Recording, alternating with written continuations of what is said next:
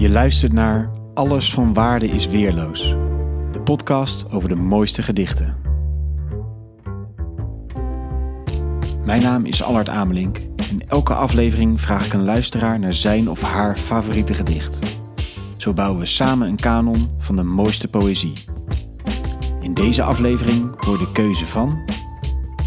Ingmar Heidse. Dag Ingmar, wat leuk dat je meedoet aan deze podcast. Uh, graag gedaan. Jij bent al een keer voorbijgekomen in deze podcast. Een tijdje terug had René Segers een eh, gedicht van je uitgekozen, De Laatste Man. En uh, dus daar kunnen mensen je van kennen.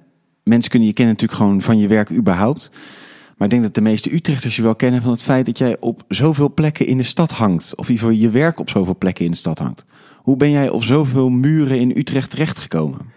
Uh, ja, ik heb, ik, ik, heb het niet zelf bedacht. Het is, het is ooit volgens mij begonnen met Cargador. Waar iemand de, de, laatste strofe van een gedicht uh, op wou hebben. En dat, dat is een plek die zo in het zicht ligt. Dat het op een gegeven moment raakte het een beetje in om gedichten op, muur, op muren te zetten in Utrecht. En dan kijken mensen blijkbaar vaak naar wat er al is. Dus dan wordt het makkelijker om op iemand te komen die, die er al hangt dan op iets heel anders. Dus het is een beetje uit de hand gelopen misschien. En, en, van, van, mij mag een ander ook wel hoor. en, en weet je hoeveel plekken het inmiddels zijn uh, in de stad? Uh, ik, hou, ik hou het niet zo bij, maar het zijn, het zijn er best veel. Uh, het, ik, heb, ik heb daar een vreemde relatie mee. Namelijk, ik weet wel waar het allemaal hangt. Als ik het echt in mijn hoofd afga, dan kan ik ze denk ik allemaal wel vinden. En toch ben ik heel vaak totaal verrast als ik er weer langs fiets. Dan denk ik, oh ja, daar hangt er ook nog een van me. Dus het is een soort de doorlopend verrassingsei is de stad geworden, vond ik. Goed. Hey, je hebt ook een gedicht over Utrecht uitgekozen. Uh, ja, een, uh, het gedicht heet Utrecht Revisited. En het is van uh, Alain Thijster. Dat was de artiestennaam van Jacques Boersma. Die was beeldend kunstenaar, dichter en schrijver. Maar ik vind hem als dichter vind ik hem echt helemaal geweldig. En een van de droevigste dingen is dat hij tot een generatie behoort die ik deels dan wel heb leren kennen, zoals bijvoorbeeld Dirkje Kuik. Uh, en uh, Gerard van Rooij en Dolf Zwerver. Maar Alain Thijster is zo jong overleden uh, dat ik hem nooit heb ontmoet. Dat vind ik heel erg jammer.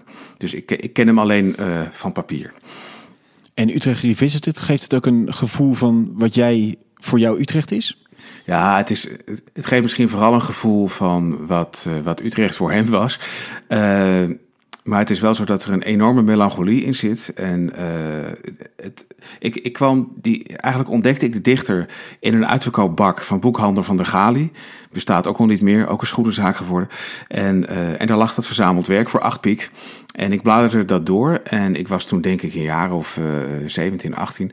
En ik was al wel aan het dichten, maar het lukte me niet om een goed midden te vinden tussen alleen maar lollig bedoelde gedichtjes, beetje lightverse-achtig, uh, en hele zware gedichten die zo puberaal waren en zo heftig dat ik het eigenlijk ook niet tevreden mee was. En uh, toen las ik voor het eerst een dichter die echt een middenweg tussen die dingen vond. Dat je op een lichte, grappige, cynische, bijtende, ironische manier uh, hele zware dingen zo kunt zeggen dat ze toch niet te zwaar zijn. Maar ook dat je het niet mooier maakt dan het is.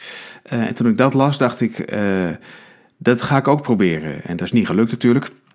Uh, maar ik, ik ben het altijd blijven lezen om die, om die reden. En het is echt een van de, van de tien dichters waar ik naar grijp als ik wil weten hoe een gedicht van mij er ook alweer uit moet zien. De, gewoon door dat heel slecht na te doen, krijg je dan een Ingmar Heidse gedicht. Mooi. Nou, dan ben ik heel benieuwd naar dit gedicht. Utrecht Revisited. Waar waren de dagen van Bonifatius, dacht ik. De dagen dat hij in Dokkum een kopje kleiner gemaakt werd, vroeg de vriendin van de laatste jaren, het laatste bed.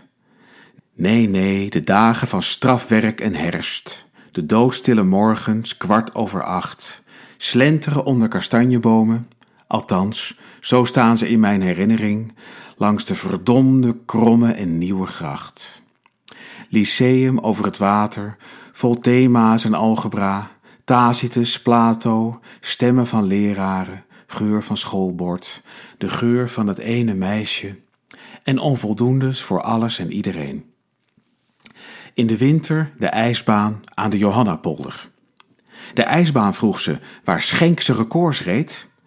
Nee, nee, de dagen van Friese schaatsen, toen niemand kon rijden, behalve het ene meisje, dat ook met de knappere jongen uit de nog hogere klas voor me uitliep.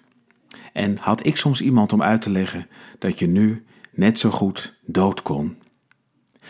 En s'avonds twee vrienden, gedichten onder de arm, op weg naar het paushuis. Een voetreis naar Rome, vroeg ze. Nee, nee, de gracht waar Marsman gewoond had. En later reed ik dan langs het huis van het ene meisje. Haar kamer bleef donker en onvoldoendes voor alles en iedereen. Kom terug uit die stad. Ben je zielig? vroeg ze. Nee, nee. Ja, ja, maar ik weet bijna alles. De kamer van Marsman, Tacitus schaatsen, waarom iedereen iedereen alleen heeft gelaten. En dat ik op avonden zonder jou dat meisje weer hoorde praten. En later keek ze me aan, de vrouw van vandaag en al bijna gisteren, en ik zag wel wat er ontbrak. Haar ogen gaven me onvoldoende. Vluchtte dus, net als toen, gepakt en gezakt. Dankjewel Ingmar. Graag gedaan. Dank voor het luisteren naar Alles van Waarde is Weerloos. Wil je zelf een gedicht delen? Stuur me dan een bericht op Twitter, isweerloos, of op Instagram, Alles van Waarde is Weerloos.